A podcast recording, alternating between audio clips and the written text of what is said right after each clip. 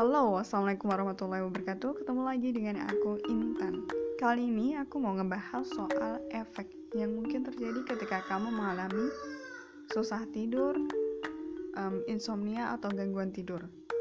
Efek yang mungkin kamu rasakan adalah lemah, sedikit energi, ngantuk pada siang hari, grogi, sakit, mudah marah, sensitif, khawatir, low in mood, tidak dapat berkonsentrasi, mempunyai masalah dalam membuat keputusan, khawatir, turu, why, tidur lebih lama, takut tidur.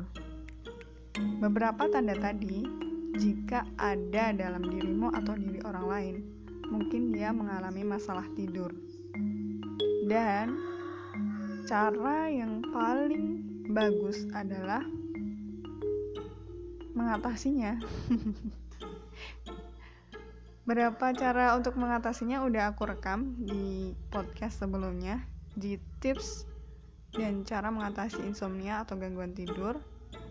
Tapi di next episode aku bakalan ngerekam lagi soal cara mengatasi gangguan tidur lebih lengkap.